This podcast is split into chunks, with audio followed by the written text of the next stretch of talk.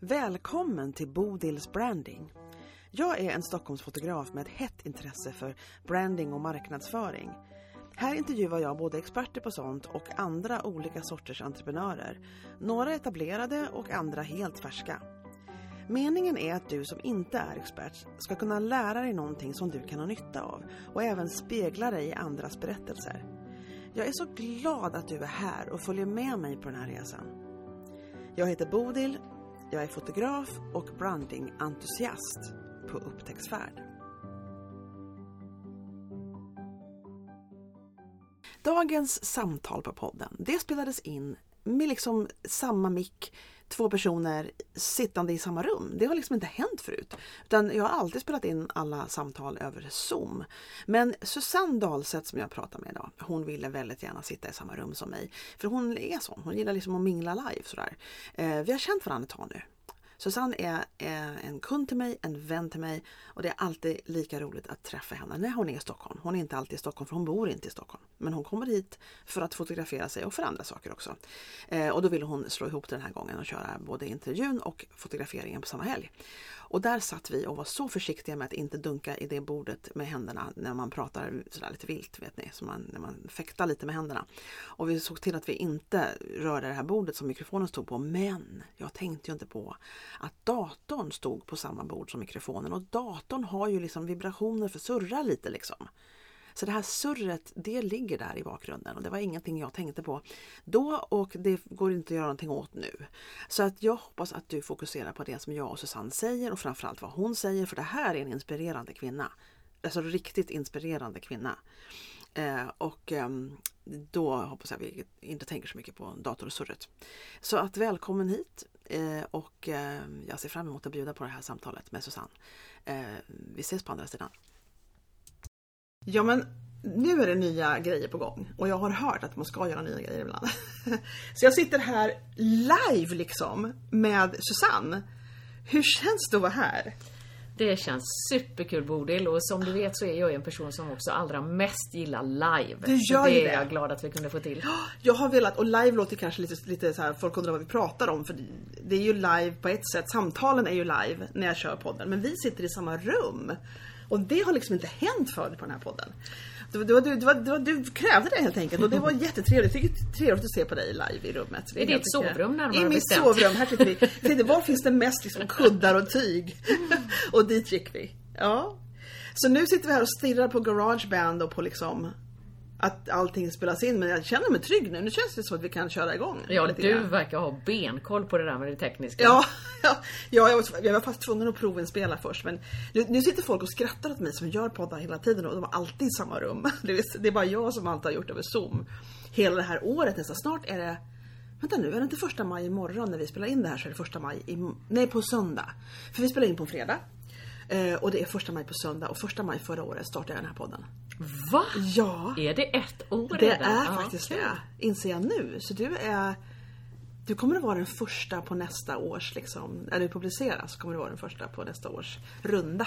Och jag tror att jag faktiskt har lyssnat på exakt alla dina avsnitt Det är helt under det här året. otroligt. Ja, det, det är jag väldigt glad över. Det är så kul att veta att det är någon som liksom har lyssnat på alla, för när vi träffas så brukar vi prata om det. Lite också. Vi pratar om ganska mycket saker när vi, när vi träffas. Men, men då kan jag fråga, vad tyckte du om det där avsnittet? För då har du alltid något att säga och det är väldigt roligt. Ja, och så är vi entreprenörer båda två. Ja. Så det blir alltid, kan alltid bli en dis, intressant diskussion kring det. Ja, det kan det bli. Det kan det bli. Men ska vi ta och, och sätta igång och de som undrar vem den här Susanne var nu då? Så ska vi ta och berätta, berätta vad du gör Susanne. Ja. Jag heter Susanne Dahlseth och jag bor och är verksam på Visingsö. Där har jag en müslifabrik tillsammans med min man. Och müsliproduktion och Persgården är ett ben i det jag gör. I mitt andra ben så jobbar jag med kost, hälsa och träning. Där min huvudfunktion är att inspirera andra till ett hälsosammare liv helt enkelt. Och vilken har du gjort längst? Det jag har gjort absolut längst är att coacha andra inom kost, hälsa och träning. Det har jag gjort sedan 1998. Ja, det är ett tag tillbaka. Det är ett tag tillbaka. Och Persgården, hur länge har det funnits i ditt liv då? Persgården köpte vi 2010. Ja, Okej, men det var ju ett tag senare verkligen. Har du alltid varit i Jönköping? Ja, nu bor du på Visingsö, men bodde du någon gång i... Nej, du bodde i Stockholm ett tag. Exakt. Ja, jag visst. är född och uppvuxen i Göteborg. Ja. Flyttade till Stockholm 1998 och då träffade jag min man. Mm. Och senare flyttade vi då först till Jönköping och sen vidare ut till Visingsö. ja. Och när det är vinter uppe i Visingsö, då tänker du att Stockholm är ganska nice i alla fall. Ja men så här är det för mig att jag älskar kontraster Mm. och eh, älskar att bo på Visingsö. För jag är ju en tjej som också gillar att träna och gillar Mm. att simma och cykla och springa och där har jag ju de optimala förutsättningarna. Mm. Men jag kan också älska att få komma upp till Stockholm och känna Mm. storstadspulsen. Det är verkligen, det är verkligen kontraster. Det är verkligen kontraster. Otroligt. För jag ser ju den där fina filmen när du joggar på landet där, liksom, eller springer gör du ju. Ehm, ute på Pe- Visingsö, som är så himla fint alltså. Det är verkligen fantastiskt. Och när vi träffades första gången så var det så att jag fotograferade dig. Var inte det första gången vi träffades när jag fotograferade dig då? Ja, men jag funderade på det Ja. idag när jag satt i bilen på vägen hit. Mm. Alltså för våra vägar korsades ju via Instagram. Där Ja, var det ju rent krasst jag som hittade dig. Ja. ja. Och föll för din personlighet. Ja. Mm. Att du hade så hög energi och var så engagerad i det du höll på med. Och att du också, det du jobbade med, Mm. alltså branding, fotografering, det var så spot on vad jag letade efter. Ja. Ja, så så korsades ju våra vägar från allra första början. Så jag tror att det var rent krasst så att jag kontaktade dig. Det gjorde du. Ja. Och sen så, och ganska snabbt därefter så, du frågade kan du i helgen och ungefär sådär. Och så träffades vi i Gamla stan och gjorde en kort kort Just det, fotografering. så var var det. det när du promenerade där på kullerstenarna. Just det. Ja, och sen så klickade det och sen har vi fotograferat sen dess. Inte varje dag. Verkligen inte, för Nej. vi bor inte i Stockholm. Exakt. Men eh, så, så ligger det till ja. Och då tänkte jag liksom på det här med vad, hur du, och när vi träffades då, det, samma år, eller precis innan vi kom igång med vårt program egentligen, efter fotograferingen men innan vi kom igång med vårt årsprogram, så kom ju jag och min man till Visingsö. Just det, det också ja. ja. Precis. Och då, och då när vi, så pratade vi lite grann på vägen tillbaka till färjan som du var så snäll och skjutsade oss till. Mm. Så pratade vi lite grann om hur det började för dig. För du, det här med att simma och cykla och det, du, du är ju Ironman-mamman. Är ju ditt konto på Instagram. Mm. Och det här är någonting som du har ägnat mycket tid åt. Mm. Liksom, faktiskt det. Förutom att coacha andra människor. Men det, det blir ju väldigt mycket trovärdighet när man har sprungit liksom. Är det åtta Ironman nu eller? Hur många är Nej, det? jag har gjort eh, sex officiella i Ja. Kalmar och Ja. sen så har jag gjort en mindre officiell då på egen hand ute på Visingsö. Alltså simmat 3800 Ja. meter, cyklat 18 mil och sprungit ett maraton. Ja, jag har gjort på egen hand på Visingsö. Men och nu i augusti så gör jag då, det blir ju då min åttonde Mm. egentligen som jag gör då distansen i Kalmar. Ja. Och du började med, för då, då berättade du, det, och det visste inte jag om när vi träffades, och du berättade för mig då att din, du fick en boost i din, ditt företag, din marknadsföring och din, att de känner igen dig genom tv-programmet. Var det inte Biggest Loser som det var på? Nej, eller? det var det inte. Nej, det var amerikanskt. Det var ett, eh, nej det finns ju ett svenskt Ja, eh, Biggest Loser, absolut. Men det program som jag var med i var egentligen det kom tidigare än Ja, Biggest Loser. Det här, mitt eh, program som jag medverkade i hette Tjockholmen. Det kommer jag ihåg ja. Ja. Tjockholmen, absolut. Där Ja. medverkade jag då som kostcoach Ja, och det gjorde jag 2003 och 2004. Och där kan man väl säga att det blev som en, en väldigt tydlig brytpunkt i mitt företagande och mitt coachande. Att det fick ju en, en, en skjuts uppåt helt enkelt. På vilket sätt så såg du det? Var det bara fler kontaktade dig? Fler, fler visste ju om vem det var obviously. TV har en stor det en genomslagskraft som är väldigt stark. Eh, var det så det var? Det var fler kunder, fler förfrågningar, fler Ja, det, precis så var det. Och eh, främst när det gällde att föreläsa. För det hade jag ju redan börjat med lite, i ganska liten skala då. Men det vet jag att när de första programmen började sändas var det ju redan nästa dag som eh, en del företag hörde av sig och eh, ville att jag skulle komma och hålla en inspirationsföreläsning kring kost och hälsa då. Hur kändes det för dig då? Kände du så här att, hade du sån här imposter syndrome eller kände du att ja, men det var fan på tiden? Eller hur, hur, hur kändes det liksom? Nej men min bakgrund är ju att jag själv har gjort en ganska omfattande hälsoresa. Det tycker jag ändå är värt att nämnas. Ja, gud ja. Jag har ju en bakgrund som är egentligen raka motsatsen mot så som jag lever idag. Alltså fram tills att jag var 24 år gammal så hade jag ju en extremt osund livsstil.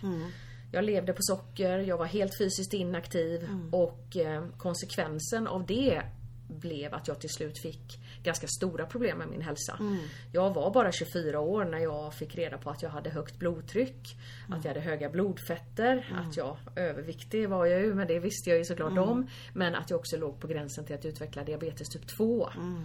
Och det blev en, en brytpunkt för mig Mm. där jag bestämde mig för att eh, lägga om min livsstil. Men eh, efter upprepade bantningsförsök så insåg jag att om det här ska hålla i längden så måste jag hitta en väg som kan hålla helst livet ut. Alltså jag tröttnade på att börja om. Hur länge höll du på att banta som inte funkade för dig innan du kom på att du måste hitta en annan väg?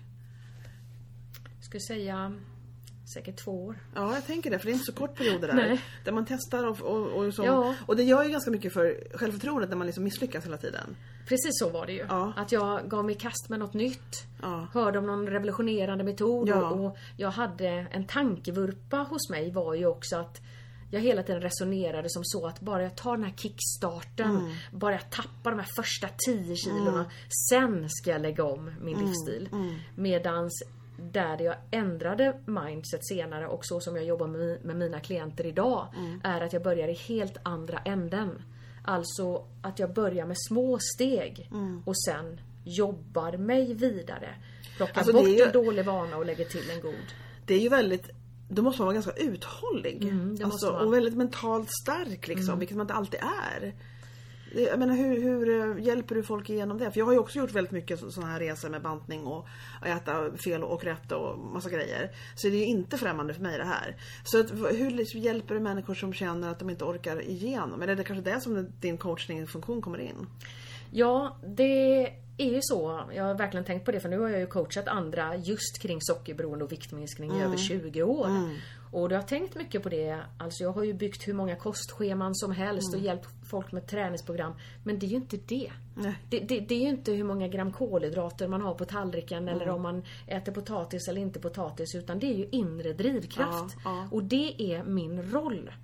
Även om jag på pappret är kostcoach är det inte det utan min viktigaste roll är att lägga en hand i ryggen, att inspirera, att få människor att göra det de vet att de behöver göra.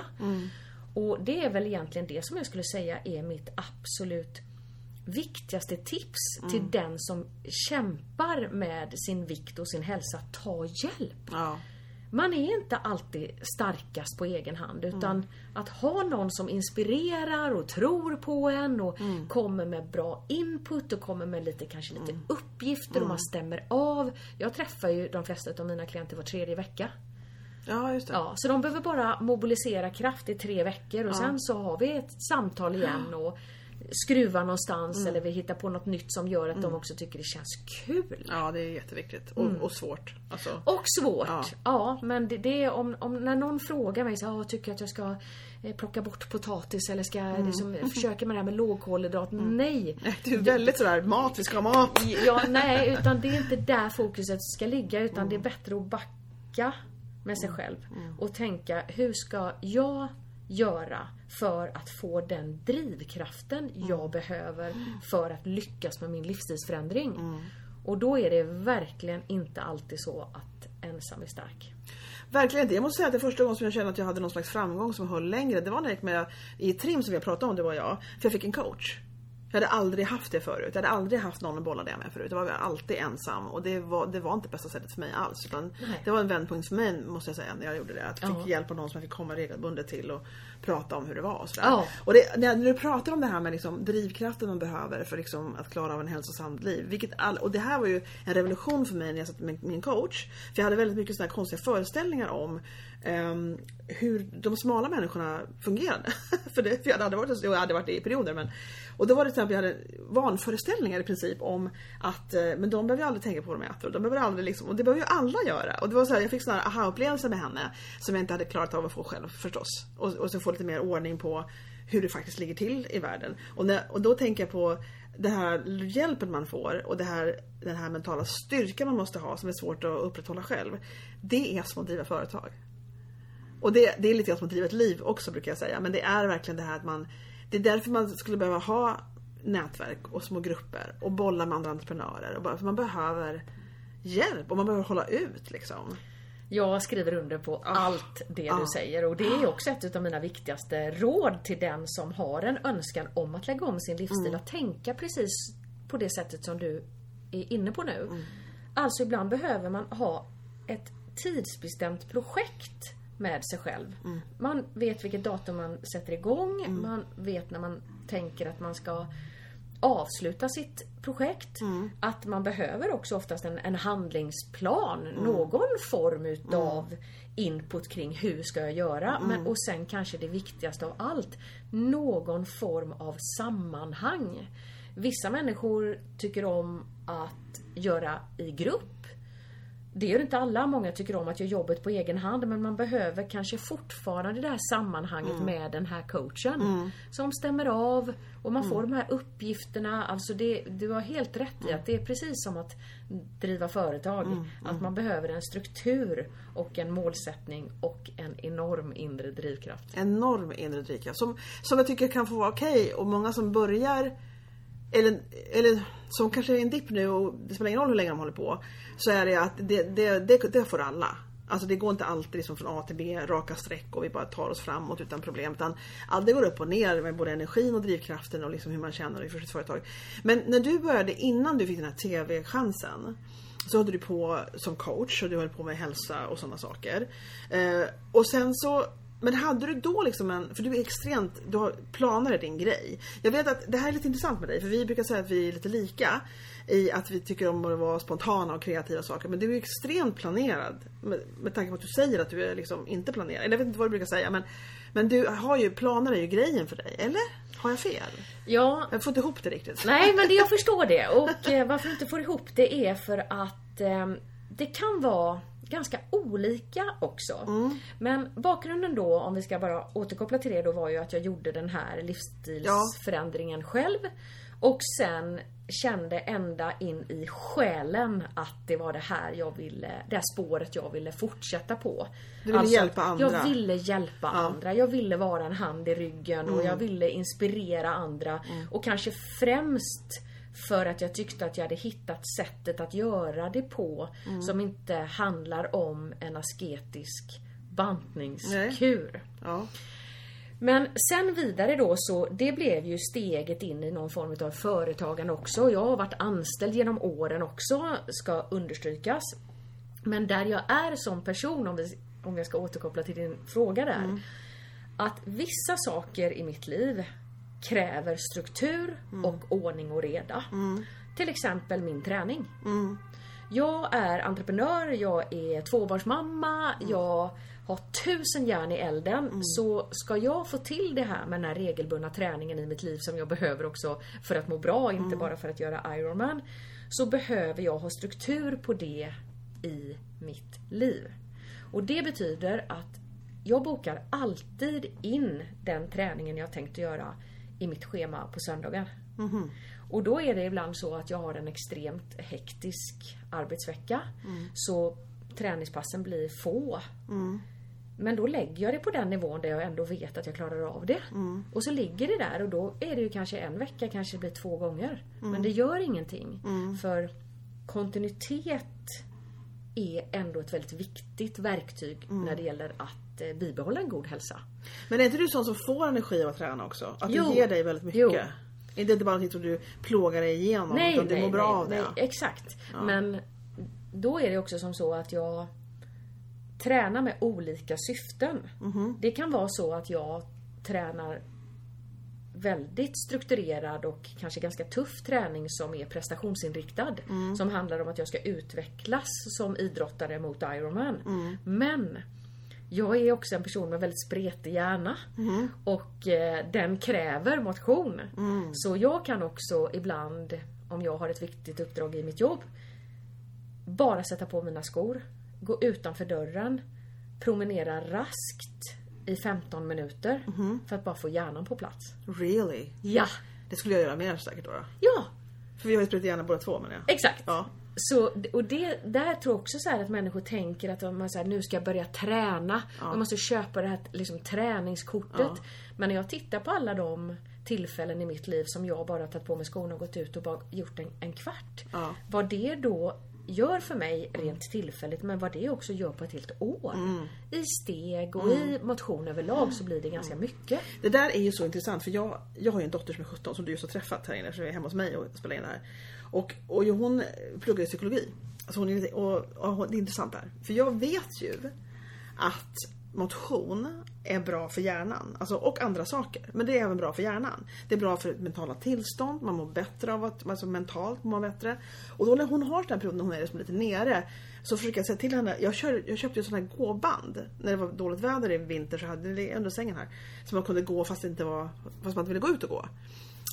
En gång har hon varit på den och hon är en sån här, hon läser psykologi och hon säger till mig man kan se det från olika perspektiv. Det kanske inte är så. Hon är väldigt tränad i att se saker från olika perspektiv. Eh, så jag kan inte övertyga henne om att det här är en bra idé. Eh, och, då, och hur jag än, hon, hon hatar boken Järnstark och hon, det finns mycket som, jag, som jag, inte, jag kommer inte åt henne riktigt. Och det får jag då, lov att släppa förmodligen. Men jag vet ju att eh, jag, jag tror att för mig så skulle det vara Nej men det skulle vara bra om jag gjorde, mer, om jag gjorde mera. Jag är väldigt öppen för det, jag gör det ganska mycket ändå. Men, men det, det är perioden när jag inte gör det alls. Och, och, vi har ju de här hjärnorna och det är bara liksom att förhålla sig. Och, och vara tacksam för allt det som det ger. Både du och jag är ju lika där. Men jag tror att eh, jag skulle behöva ta det som, en, eh, som ett verktyg. Ja, det, det är ett utmärkt verktyg och eh, det där som du berättade om din dotter nu, det är extremt vanligt. Är det? Alltså det är ju det är ju mitt arbete att Ja. eh, träffa den typen av människor som liksom inte riktigt hittar sitt Nej, sätt. nej. Och det är ju det som är också i min roll, det är det jag hjälper till med. Ja. Men rent krasst så det gäller dig, det gäller din dotter.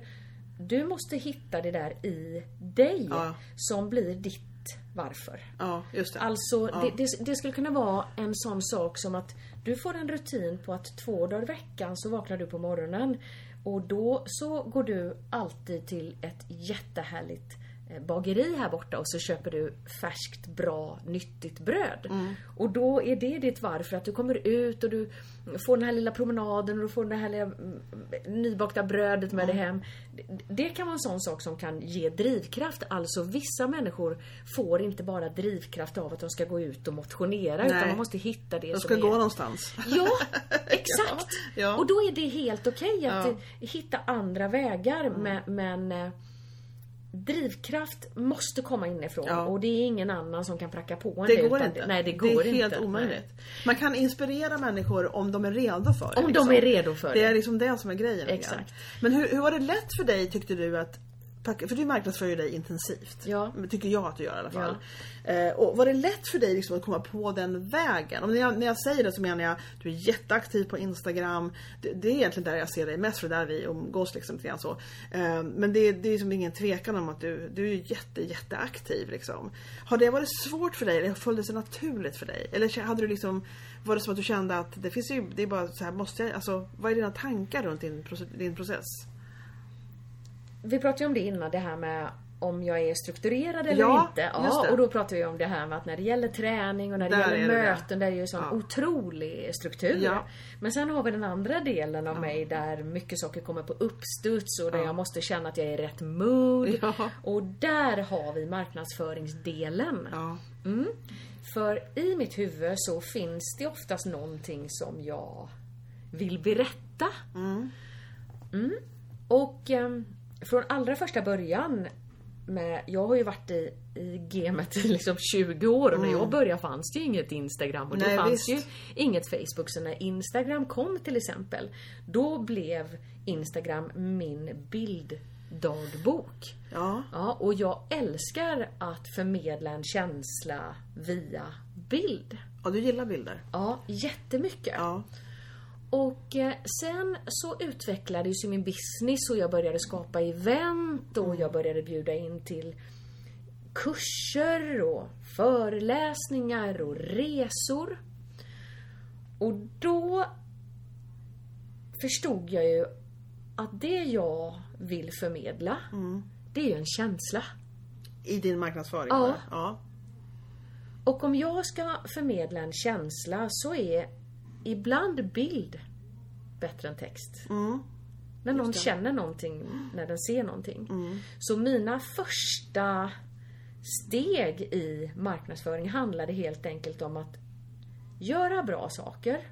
Typ Försöka- event, Ja, grejerna exakt. Du, gjorde live. Ja. Precis, att jag skapade ett löpevent eller Ja. en, en eh, matinspirationskväll. Mm. Så göra bra saker. Och också dokumentera det. Fånga det på bild. Och sen använda det då i min marknadsföring. Mm. Också låta andra använda det i marknadsföring. Alltså att jag hade ett event och så var det någon, någon som var där och hjälpte mig att ta bilder och sen Mm. kunde jag då prata om det här eventet i mina kanaler. Mm. Och sen kunde de som var där också prata om det i sina kanaler. Mm. Ja. Just det. Så det, det har ju... För jag kan rent krasst säga så här att när det gäller sociala medier så jag är extremt ostrukturerad. Ja. Jag tar allt på uppstuds. Mhm. Jag är också helt usel på att här, skapa content. Jaha. Nej, men om, när jag tänker på vad jag ändå kan. Skulle du göra det jättemycket? Ja, men jag förstår det. Nej, men om jag tänker på vad jag kan om kost och Ja. vad jag kan om Ja, motivation. det. och jag, jag skulle verkligen kunna lära människor Ja. saker. Ja. Men det, jag är så dålig på den här grejen på grund av att jag är den här spontana som Mm. vill fånga de här känslorna och vill förmedla de här känslorna. Och sen har det ju lett till ganska framgångsrik marknadsföring ändå. Mm. Men att jag känner saker, att få människor att känna saker och förmedla en känsla. Det är nog navet i min marknadsföring. Men känner du då att du skulle vilja ändra på det du gör? Alltså du, du längtar lite efter, eller, eller har du gett upp det? Att skapa content om dina kunskaper? Nej, det har jag inte. Nej, det är, liksom, det är på wishlist. Ja. Ja, men och, och det finns också nedskrivet och jag har gjort det vid några få tillfällen Mm. där jag så här, där jag faktiskt också då har lagat den här maträtten hemma i mitt kök. När jag Ja. verkligen, verkligen har gjort det. Ja. Och, och vill säga det till mina följare, då kommer det också Ja. spontant och då blir det ju per automatik content. Visst. Men att sätta mig ner med ett formulär och planera den här dagen ska jag prata om den här maträtten, den här dagen ska jag prata om det här träningstipset. Där är jag inte riktigt i hamn. Och, och det, ja, det har vi redan pratat om. Det, det, det är intressant med dig för vi har pratat så mycket om det här du och jag genom, genom det här året som vi har känt varandra nu. Eh, att det liksom, vi får en känsla att vi är lite fångade och lite liksom instängda i någon slags låda om någon kräver att vi ska lägga en plan. men, så. men jag tycker att du är, det är excellent alltså på att ta det på uppstuds då som du kallar det för. För det kommer ju content hela tiden och att, att hålla ut och hela tiden lägga ut nya grejer. Det är ju det, är det som är det är där man måste vara lite uthållig. Ja. Och sådär. Men och det tycker jag också är kul. Ja. Och det vet jag att Det du, märks. Ja men och där är ju du och jag väldigt lika Bodil. För du är ju också Du vill också ha den här härliga känslan i kroppen. Att du liksom tycker det känns roligt och och det, och det är väl därför som jag kanske fastnade för dig som fotograf också. Att du, man märker verkligen att du brinner för det där. Ja. Och så är det för mig också i mina kanaler. Att när jag brinner för någonting, när jag har träffat en klient som verkligen har lyckats med någonting eller Ja, då bara kommer marknadsföringen i det. Men det är ju liksom visa vad man gör och hålla på med. Liksom, sen så kan det ju vara sådär ibland att man... Jag tror, jag tror att ibland så... Jag, min, någonting som jag har, jag har tur med, måste jag säga. Jag förstår att det är liksom, jag är tacksam för det. Det är att jag har liksom lätt att skriva. Jag har liksom inget svårt att... Ja, det finns två saker jag har tur med, tror jag nog. Det ena är att när jag väl sätter igång och skriver någonting så behöver det inte vara jätteplanerat. Det kan komma bara. Alltså reflektioner och sånt där. Och då, och då brukar jag inte känna att jag brukar aldrig tänka så här, åh jag undrar om det här är bra nog, om jag är bra nog. Utan jag liksom eh, tycker det är självklart att jag får ta min plats. Och det vet jag att många inte känner. Utan de känner att jag är inte bra nog, ska jag stå här och vara på bild? Ska jag liksom, det finns mycket själv nedtryckande skulle jag vilja påstå att det är egentligen. Som jag hoppas går över, som går över för mycket människor. Men det har jag inte haft, det har inte jag. Det där har inte jag heller. Nej, utan det är bara, nu skrev jag det här, nu publish liksom. Ja, och Ja. för egen del så tror jag det handlar mycket om att det här med att jag har varit överviktig. Mm. Att jag har haft ganska svårt i skolan. Mm. Att jag har varit kass på idrott. Alltså jag har, fram tills jag var 24 år så var ju, jag var ju aldrig någon genom mina prestationer. Nej. Jag var ju omtyckt av mina vänner bara för att jag var jag. Ja. Och där är jag, jag är precis som dig där. Jag håller inte på och tänker ihjäl mig över en bild eller över en Nej. text.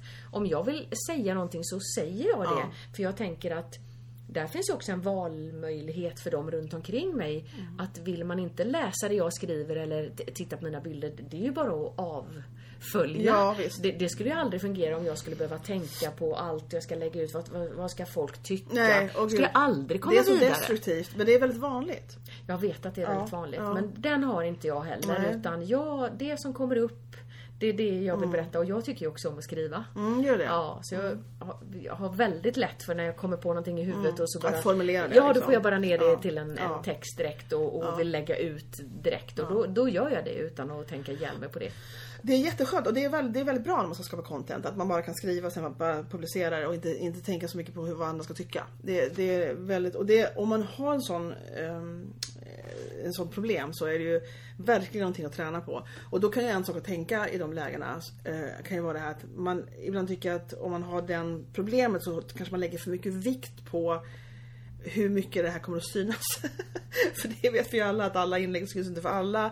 Och man kan, i princip kan man inte bli tjatig på sociala medier för det, det är ju inte alla som ser allt man gör. Nej. Och, de, och de där bitarna försöker jag också att inte övertänka kring. Alltså, det, det är inte så att jag, jag analyserar ihjäl ett inlägg. Mm. Nej, inte Varför jag fick eh, så många likes på det eller inte på det. Nej, eller... vet jag heller. Nej, det är ju strunt Det, det kanske man borde, alltså jag vet ju om att jag, jag tittar, men det här är ju ett problem. Jag borde, det här är någonting som är på min wishlist. Att jag vill ju börja vara mera, eh, att gå in på statistiken. Och titta på vad gick bra, vad gick inte bra. Eh, vad, för då ska man göra om det som gick bra. Det är det som är strategin av de som jag har hört i alla fall som pratar om det här. Och de blir liksom lite chockade, jag känner ju några ganska väl, som blir lite chockade över att jag aldrig kollar statistiken. Eh, och jag inser att det är oprofessionellt av mig att inte göra det. Men jag gör inte det och jag, jag kanske borde det men men, eh, men jag märker ju bara på rent ovetenskapligt så märker jag ju liksom att eh, alla bilder på mig går, går bättre än allt annat. När det är bilder liksom på Nej mig. men precis. Och, och, och där, jag är heller absolut inte insatt i Mm. min statistik. Men där är det väl också för att sociala medier är inte min absolut viktigaste marknadsföringskanal. Utan det är helheten i det jag gör, alltså möten med människor, Mm. att jag är en etablerad föreläsare, givetvis också att jag använder social, sociala medier också. Men helheten för mig tror jag har varit min framgång också. Att jag tycker om att eh, bygga relationer, att eh, träffa människor live och, och prata om mina tjänster eller vad det nu kan vara.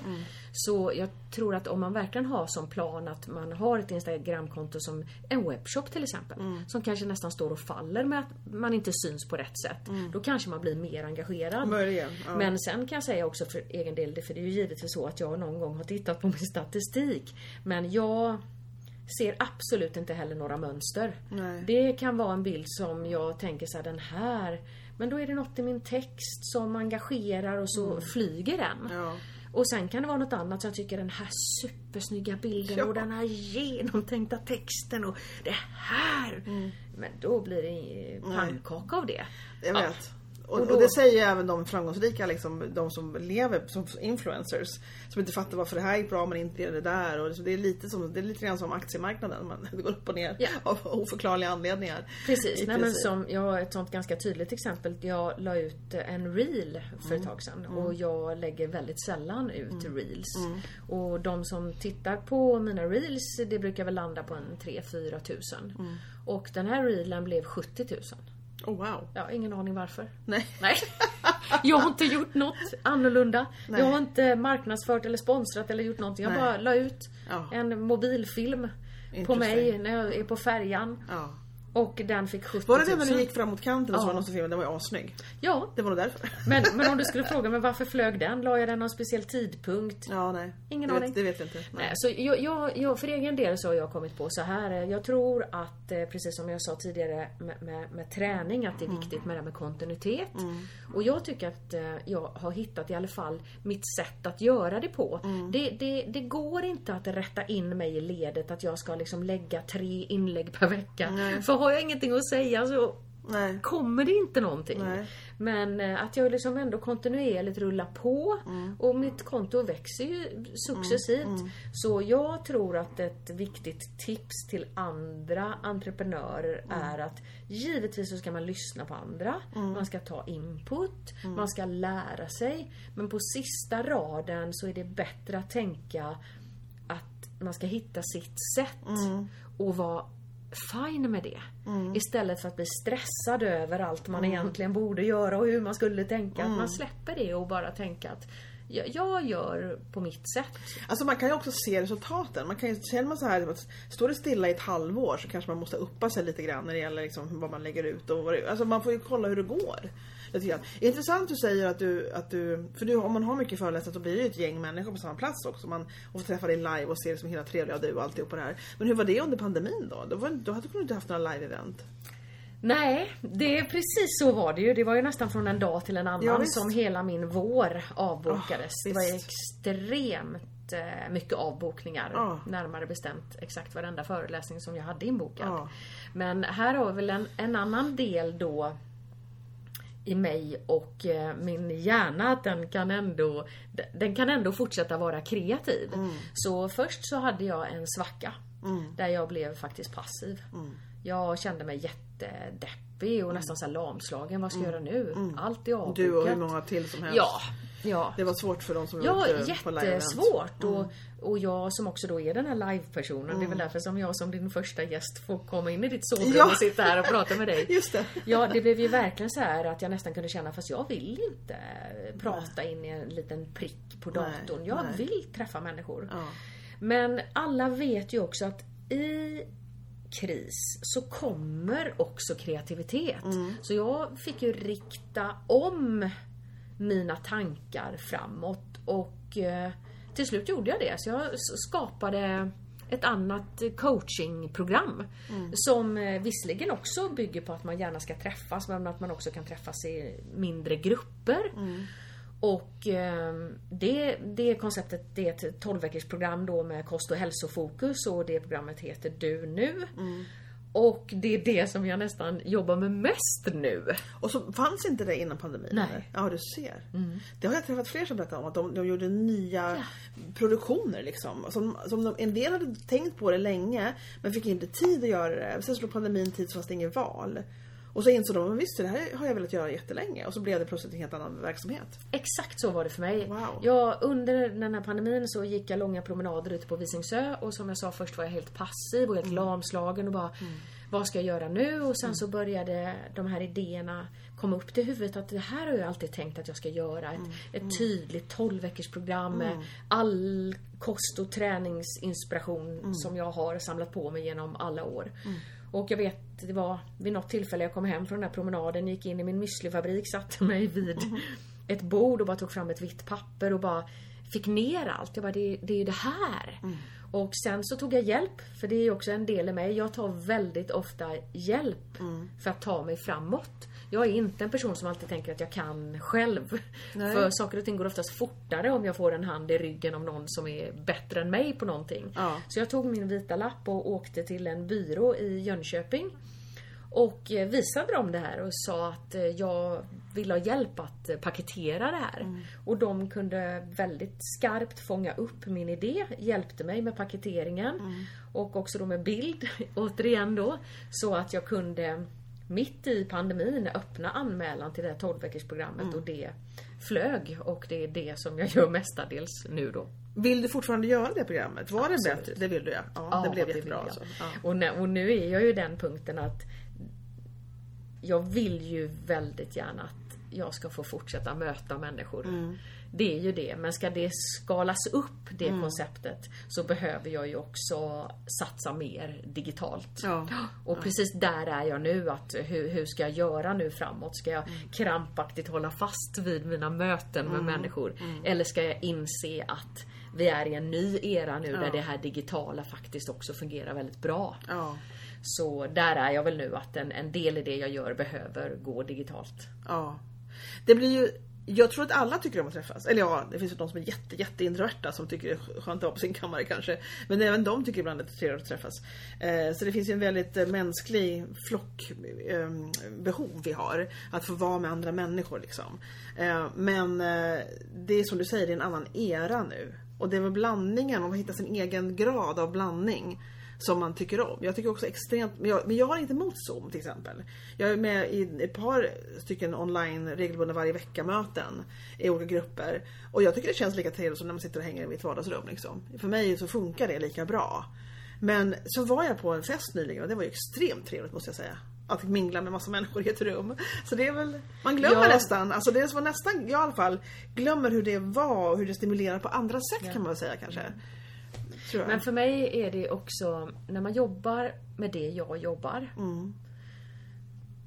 Alltså att motivera människor att mm. på riktigt få ordning på ohälsa. Ja. Och börja motionera och börja äta bättre. Och det var ju som jag sa tidigare, det, det är inte det här kostschemat som jag kan skicka över på en pdf. Det är Nej. inte där det ligger. Nej. Och då upplever jag att eh, om jag sitter sitter med dig då till exempel. Så är det mycket lättare att läsa in dig, ja. höra nyanserna i hur du uttrycker dig, ja, fånga upp.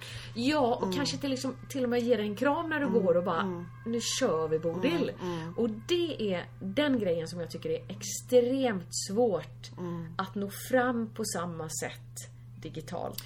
Det är nog sant. Man, man har, det, det, det är lättare att ha lite försvar uppe när man ses genom en skärm. Och det blir mera direkt in i varandra om man säger, om man ses live. Ja och så ja. laggar det lite. Ja. Och så vill jag titta dig i ögonen och då ska ja. jag istället titta i ett ja. hål så det känns Det som är så konstigt. Ja. Det är så konstigt. men man börjar vänja sig vid att alla tittar neråt eller upp och tittar åt för håll. Jag det, vet. Det, det, men det, ja. det är annorlunda ju. Ja och det, mm. det, jag tycker det är svårt. Mm. Jag, jag, känner att det här mötet, mm. jag tänker det varje gång någon lämnar min, mm. min mottagning att det är inte så noga vilka kostråd de fick. Mm. Utan det viktigaste är känslan de hade när de lämnade mitt rum. Ja, verkligen. Om de lämnar mitt rum och säger nej, nu kör jag. Mm.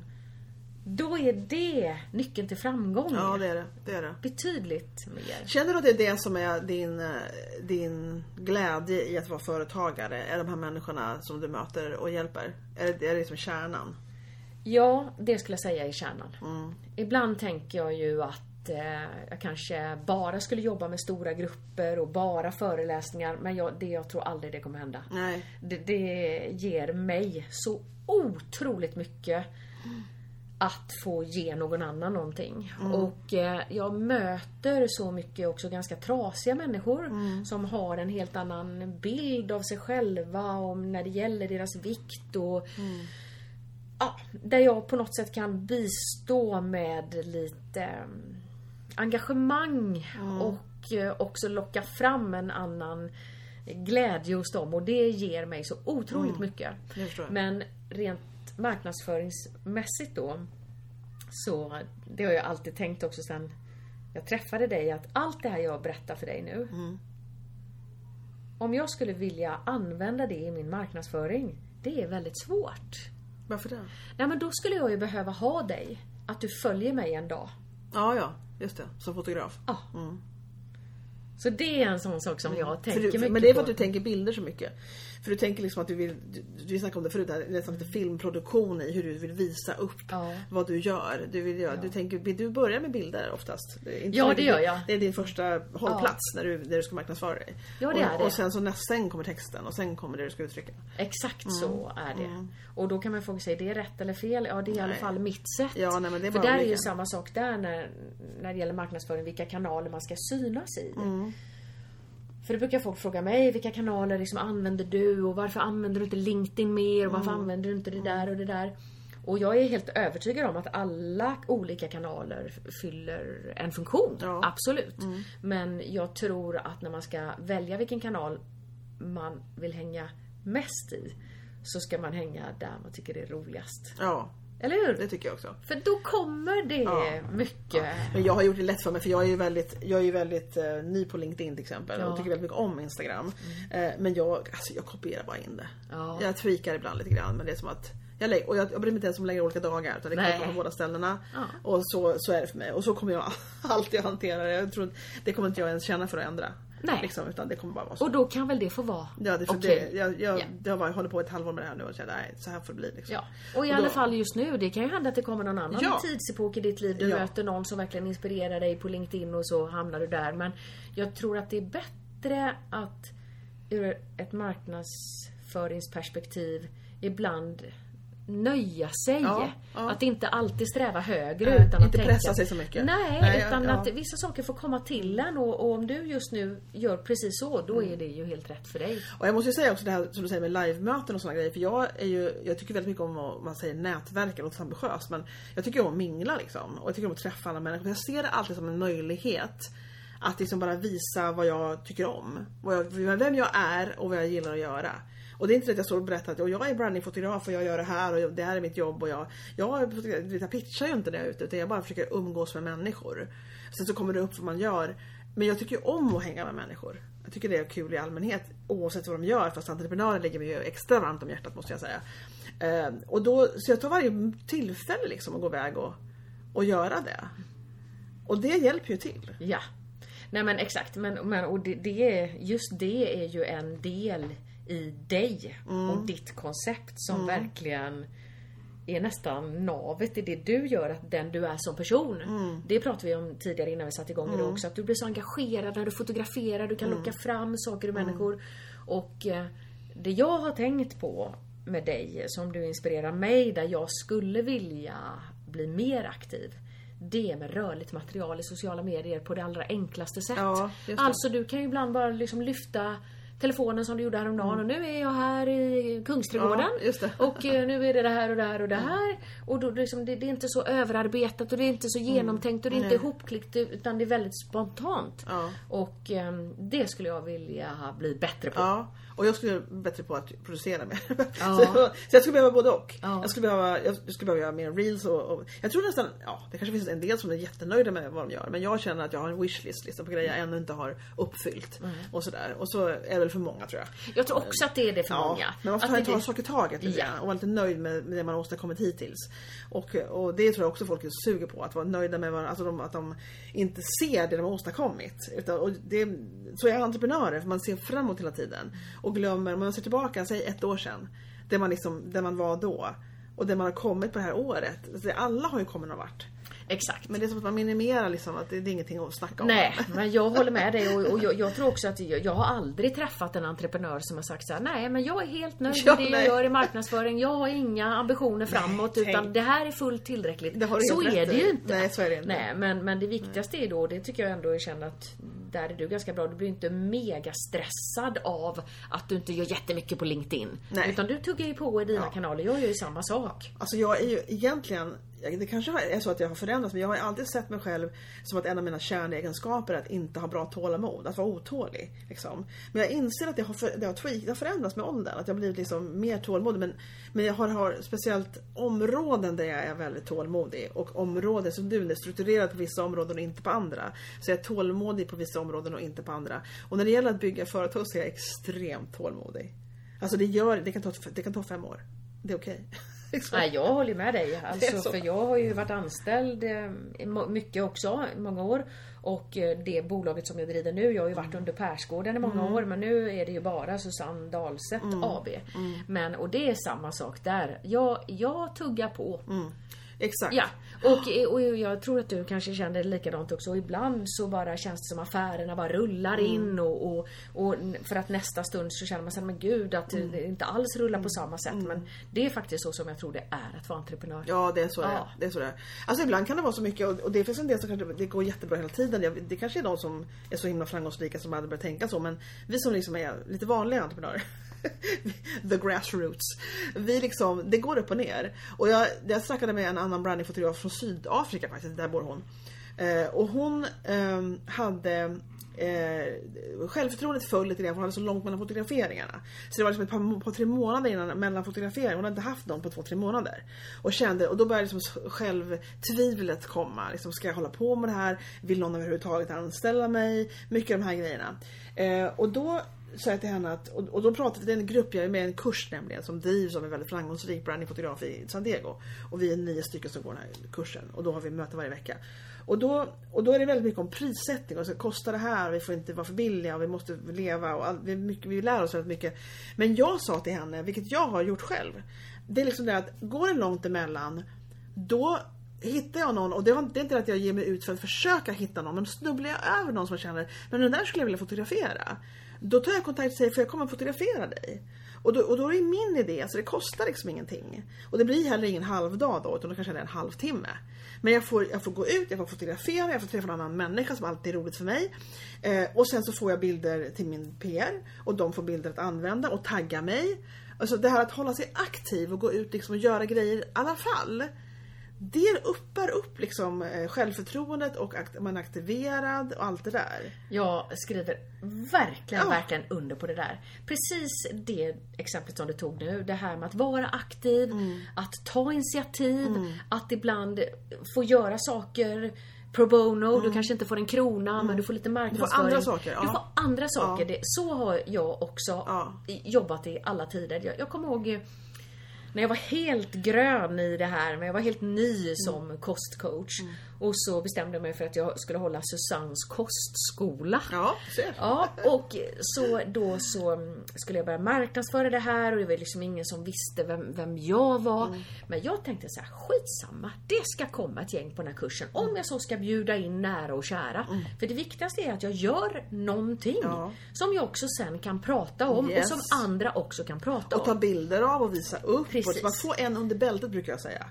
Då, då har man någonting att basera marknadsföring på sen. Exakt. Och erfarenhet. Precis. Så jag tror att på min första Susannes kostskola så mm. kom sju personer. Ja. Varav jag nog hade bjudit in fem. Det kanske var två som anmälde sig. Ja. Men det spelar ingen roll. Nej, jag gav järnet inför de sju och tänkte bara här är de på Susannes kostskola. Ja. Och sen kunde jag prata om det och berätta mm. att nu har vi haft det här och man lärde sig det här. Och de pratade om det och, och sen blev det nästa Susannes kostskola, mm. då blir det ännu fler och så bygger man därifrån. Mm. Så jag tror precis som du säger att det är viktigt att vara aktiv mm. och det är viktigt att våga ta initiativ och göra saker mm. för att synas mm. och därifrån bygga vidare. Ja. Och tro på, det här, tro på att det går att bygga vidare, att det kommer att byggas vidare. För det tror jag är någonting som jag, som jag um, inser också inte alla har eller alla gör, eller hur man ska säga det. Det är det här att jag tror på visionen. Liksom. Jag tror att det här kommer att gå.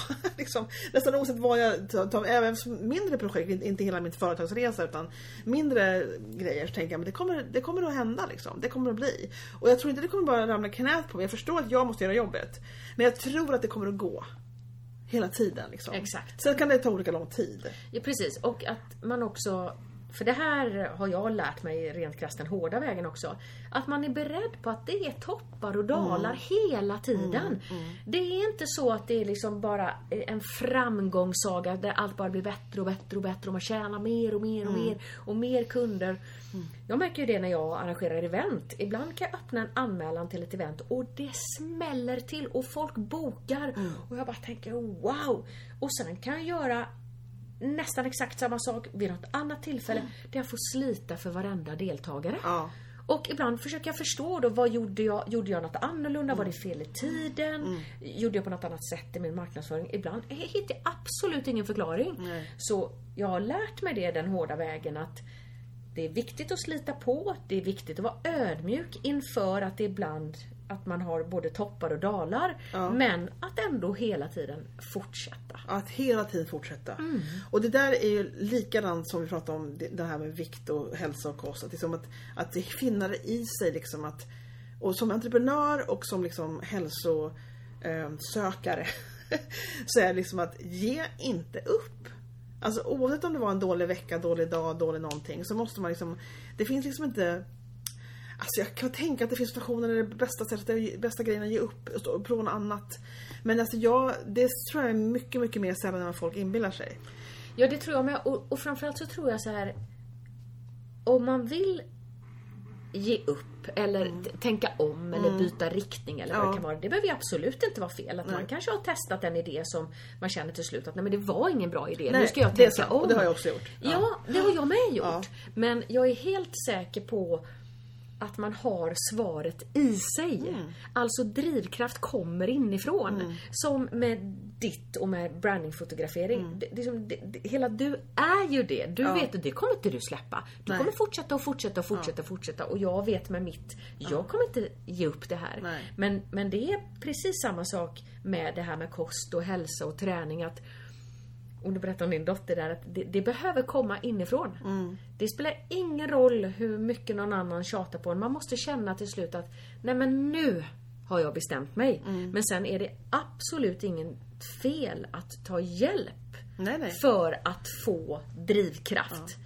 Även som företagare eller när man jobbar med kost och hälsa. Ja. Men det är intressant det här med, det här med att skala upp som du har gått in på nu med din eh, framåt här nu med, med digitala möten som du förmodligen forever kommer att blanda upp med riktiga live-möten. Men jag tänker ju att för mig är det liksom lite omöjligt att skala upp för det är jag och den här personen hela tiden. Så. Eh, utan det enda sättet att skala upp det är att höja priserna vilket jag redan har gjort. Men, men för mig är det okej. För jag förstår liksom väsendet av min verksamhet. Och, det, och för mig är det väldigt viktigt att, så det är någonting som jag accepterar fullt ut. Um, för det finns fotografer i USA till exempel som har assistentfotografer. De driver ett företag med typ fem olika fotografer. Och de fotar inte allting men det är allt under deras namn. Och de, har, de, är- de är underfotografer kan man säga. Uh, och sen så tjänar de pengar. Och så får de betalt förstås. Men det, är- företaget är den här människan som startar det. Liksom. Jag tycker så mycket om att vara med den här människan jag fotar. Uh, så jag har till och med gjort, ett par gånger har jag gjort såna här Ehm, nu ska vi köra en snabbis och vi delar på den här timmen och så får någon några bilder och då har jag två personer som jag fotar samtidigt. Så det är liksom det, men då är vi förstås det är som att nu sätter du dig i stolen så kommer du sätta dig i samma stol. Alltså för mig är det lite weird. Alltså jag tycker det är helt okej. Jag har gjort det på begäran av andra. Av dem liksom. Nu kommer vi två stycken, kan vi få en timme så delar vi på den. Och det hände bara nyligen. Och sen en annan gång så var det mitt initiativ att fota ett par stycken för podden. Och de råkade bo i samma stad. Och då tog jag inget betalt för jag ville bara ha mina bilder när jag gjorde promotion. Eh, Men jag känner fortfarande att jag skulle aldrig göra det. Alltså jag vill inte ha gruppfotograferingar.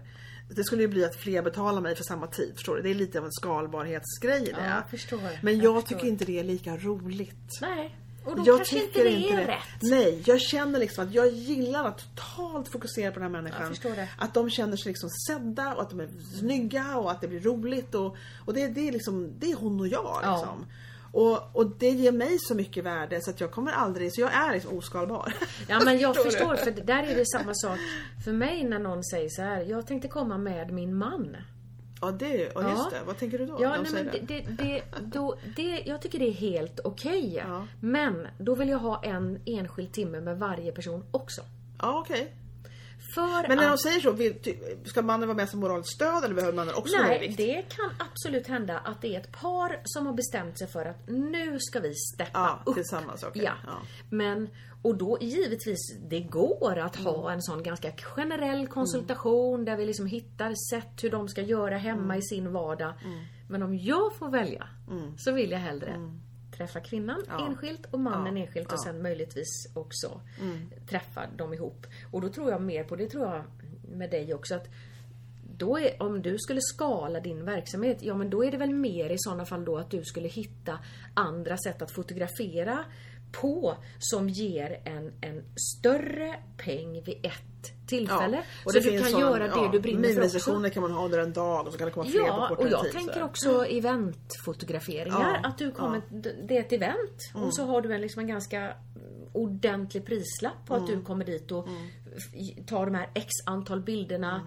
Från det här eventet och så är det liksom en klumpsumma och så jobbar du under de här timmarna. Ja, och då, om det då är ett företagsevent till exempel eller något träningsevent eller vad det kan vara så kanske du har möjlighet också att ta en större prisbild än på enskilda individer. Ja, det är och då möjligt. kan ju det också vara en del i din verksamhet. För Mm. så är det ju för mig. Jag har ju en del i min verksamhet som handlar om de individuella konsultationerna. Mm. Men där tjänar jag inte pengar. Nej, jag förstår. Nej, det, det går inte att ta så hög timpeng på Mm. individuella konsultationer så att det kan på slutändan ge mig en, en verkligen en bra månadslön. Utan jag behöver olika Mm. Du behöver dina delar. föreläsningar och ja, dina event och exakt. Jag ja. behöver föreläsningar, jag behöver företagsevent. Jag behöver mina resor eller vad det nu är. Jag behöver alla de här benen där jag tjänar mer på det här och mindre på det här. Men jag vill göra allt. Ja. Och då sprider jag hellre det på det sättet. Ja men det är väl jättebra. Det är väl jättebra. För jag tror att det, det här är någonting som det kan bli frustrerad över. Jag tror att Dels så måste man ju komma fram till vad man behöver tjäna och vad man vill tjäna. Och att det verkligen fungerar, att man får in det man behöver. Liksom, och, och det, det är ju bara ren matte i princip. Och att man marknadsför så att man får det antal bokningar man behöver. Eh, men i övrigt så får man liksom acceptera tror jag också att man, vad som gör en lycklig lite grann.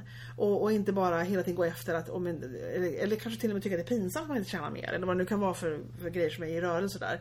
Eh, för jag har totalt accepterat att jag inte är skalbar. Förstår du? Mer än det som du pratar om nu, vilket är en bra idé. Uh, det är okej okay för mig. För, jag, för det ger mig så mycket glädje. Och det ger mig tillräckligt mycket pengar och det är okej. Okay. Jag, förstår, jag förstår dig till 100 procent. Ja, ja. För det gör dig glad och ja. det ger dig energi i ja. din vardag. Absolut. Och, och det, det är ju faktiskt, det hänger också ihop egentligen med hälsa. Mm. För det brukar jag prata mycket om med mina klienter att, att hälsa är väldigt lite antal tappade kilon på vågen. Mm. Utan min målsättning när jag jobbar med en klient är att den ska må bättre, att den ska mm. ha bra energi, att den ska hitta mm. kostvanor som fungerar, mm. träningsvanor som fungerar. Sen att de också får resultat på sin form. Mm. Det är ju nästan som en enda bra bonus. Ja, jag fattar. Men och det där så... är väldigt svårt för folk som har vetat länge att tänka så. Jag vet. De, det, det är otrolig vikt. Ja, ja, ja, ja, ja. Och det måste du kämpa emot hela tiden. Ja, alltid, varje gång. Varje gång. utbilda dem liksom. Ja, men det, och så blir det. Och det är ju därför som det, det går inte att bara träffa mig en timme. Nej. Det gör inte det. Du, har inte det. du erbjuder jag, inte det? Nej, jag nej. jobbar inte på det sättet. Jag, går man hos mig så går man hos mig minst tre månader. Och det där kan många lära sig av. Det tycker jag är jätte, jättebra det du säger. För det finns en del som jag har varit tveksamma till, som jag, som jag snackat med på olika sätt och olika tillfällen. Eh, som är tveksamma till liksom, eh, min, det här, var, var ligger miniminivån på engagemang från dina kunder? Liksom. Eh, det här, många coacher ger gratis samtal först för att de sen ska... Och jag tänker att det behöver man inte göra. Du kan ha ett pris och sen kan du ha ett annat pris om du vill. Men man kan... Jag, jag kommer ihåg när jag lyssnade på en podcast. Med ett, och jag minns fort, tyvärr inte vad de hade för verksamhet. Men det var, jag tror det var typ reklam PR-byrå på något, på något vänster. Eh, och de hade liksom en mini de sålde onlinekurser också och de hade olika program man kunde gå och sådär. Men för att man skulle bli kund hos dem eller få gå in på vissa program. Jag tror de, det, var inte, det var inte onlinekurser bara för de erbjöd tjänster när de byggde upp folks PR och gjorde hela grejen till dem som en marknadsföringsbyrå, PR-byrå. Men de var tvungna att först köpa det här paketet. Det var som ett intro in i att ens få jobba med dem. Så var de tvungna att köpa det här programmet. Um, och de som inte var beredda att investera i det, det var inte deras kunder. Nej. Där ser man. Det var spännande sätt ja. att tänka tycker jag.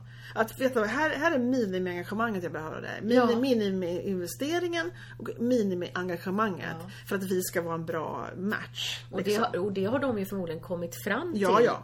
Rent erfarenhetsmässigt. Att det här blir de bästa resultaten. För det, precis så är det ju för mig. Mm. När någon ringer till mig så här och bara Hej, eh, min man skulle behöva lite pepp. Kan man köpa mm. en timme kostrådgivning? Ja, det är ju helt omöjligt. Ja, nej men det nej, det kan man inte. bra. Utan man kan köpa tre månaders coaching och då ska man helst vara den personen som hör av sig och säger Hej, ja. jag vill ja. köpa tre månaders coachning. Ja. ja. Och så tar man det därifrån då. Men det är för att du vet hur det funkar. Och ja. det, det finns liksom ingenting, man kan inte tillfredsställa människor. Du vet att det blir dåligt. Ja, det blir inte bra. Nej, och jag, jag, kan inte jobba Nej. på det sättet för det är inte Nej. då, om de kommer till mig på en, en timmes coaching, alltså det, det är uppföljningen som alltid är det viktigaste. Ja, visst. Mm.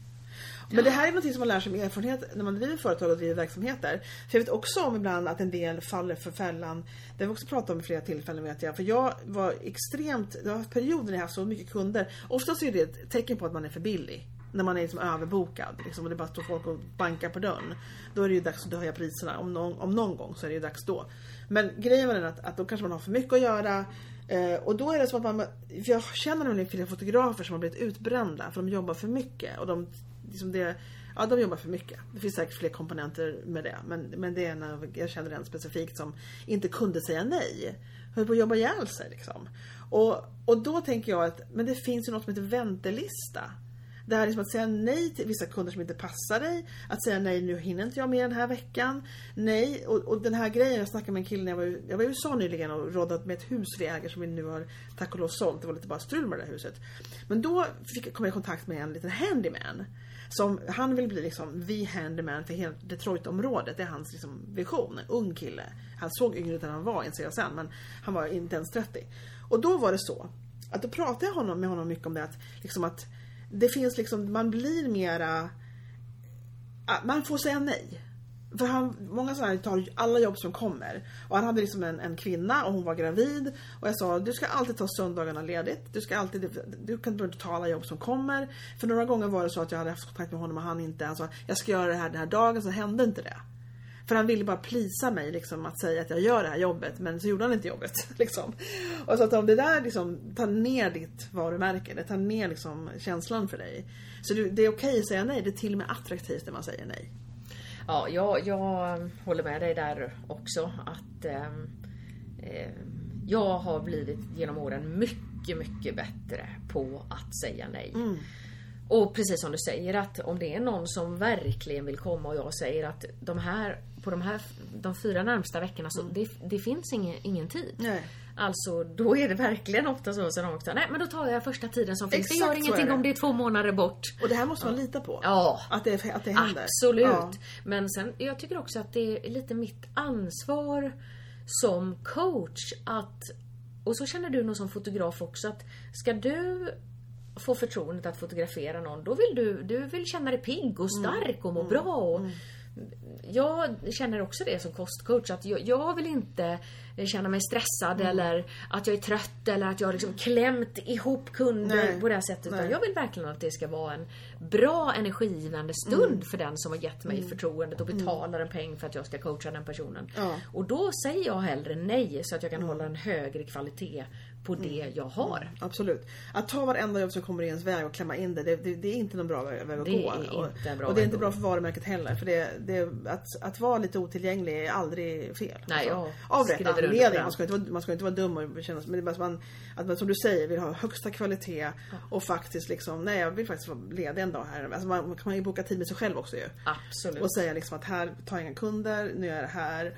Och det, det är okej, okay, men folk är liksom lite rädda att förlora jobb på det sättet. Men det, det gör man inte. Nej, jag tror inte när man gör det. Så kommer de, så kommer de ändå. Ja, det är också ja. helt säkert. Ja, precis. Men, men vad händer? Mm. Nu måste jag krypa närmare datorn för att kolla vad klockan Gör det. är. Ska vi göra det? För att se vad är klockan? 15 och 52. Det är en timme nu vet Ja, perfekt. Eller nästan. Du kom, ja. Vi börjar lite, lite senare. Ja. Nej men gud. Jäklar, jag har ingen aning hur länge jag har snackat. Men, men ska vi gissa på att det är en timme? Ja, det är nog någonstans där. Ja, precis. Ja. För att eh, du måste gå snart. Ja, det måste ja, jag. Om åtta ska, minuter. Ja, om åtta minuter, exakt. Tur att vi kollar klockan. Ja. ja. Så jag, jag får tacka dig för tiden. Tack för att du kom hit. Ja, superkul. Och för att du satt här med mig. Vi ska ju fotografera imorgon också. Imorgon. Ja. Det ska bli så kul. Det ser jag fram emot. Ja. Hoppas du har en plan, för jag har ingen. Har du ingen plan Susanne? Du brukar alltid ha en plan. Men Nej, jag, jag en locationplan har jag. Ja, problem. det var det jag tänkte. Ja, det räcker. Det har jag. Resten det har jag en plan för. Jag kommer att släpa runt dig på olika ställen imorgon. Mm. Då säger vi adjö till lyssnarna. Ja, tack och, så mycket för att jag fick komma Bodil. Det var så kul. Tack så mycket. Tack. Ja, det var samtalet med mig och Susanne och lilla datorsurret. Och jag hoppas att du hade lika stor behållning och hade, fick lika mycket inspiration som jag fick. Det får jag alltid av henne. Det är så mycket att, att prata med henne om. Eh, du vet ju, det finns sådana människor som man liksom bara kan sitta och prata med hur länge som helst. Och det tar liksom aldrig slut, ämnena och sånt man kommer att tänka på och sånt som man både delar åsikt om och kanske inte delar åsikt om men ändå tycker att det är spännande att höra vad den andra tycker. Ja, jag hoppas att du eh, som sagt eh, tyckte om det här och att du tycker om att lyssna på den här podden. Om du gör det, om du har lyssnat på flera avsnitt och tycker att det här är ganska bra, då får du jättegärna gå in och ge en recension på iTunes eh, och säga att du tycker det är ganska bra. Därför att då kommer fler att kunna hitta den här podden. Eh, Susanne Dahlseth hittar du på Instagram på Ironman Mamman som sagt. Eh, och jag hoppas att du går in och följer henne om du inte redan har gjort det. Jag vill också berätta att eh, jag finns på Instagram på brandingyou.stockholm och på webben på min hemsida om du vill kolla in det här med brandingfotografering och gallerier och hur sånt går till och sådär. Ja, då kan du gå in på brandingyou.se. Där finns jag. Och så hoppas jag vi ses igen på podden en annan lördag. Hej då!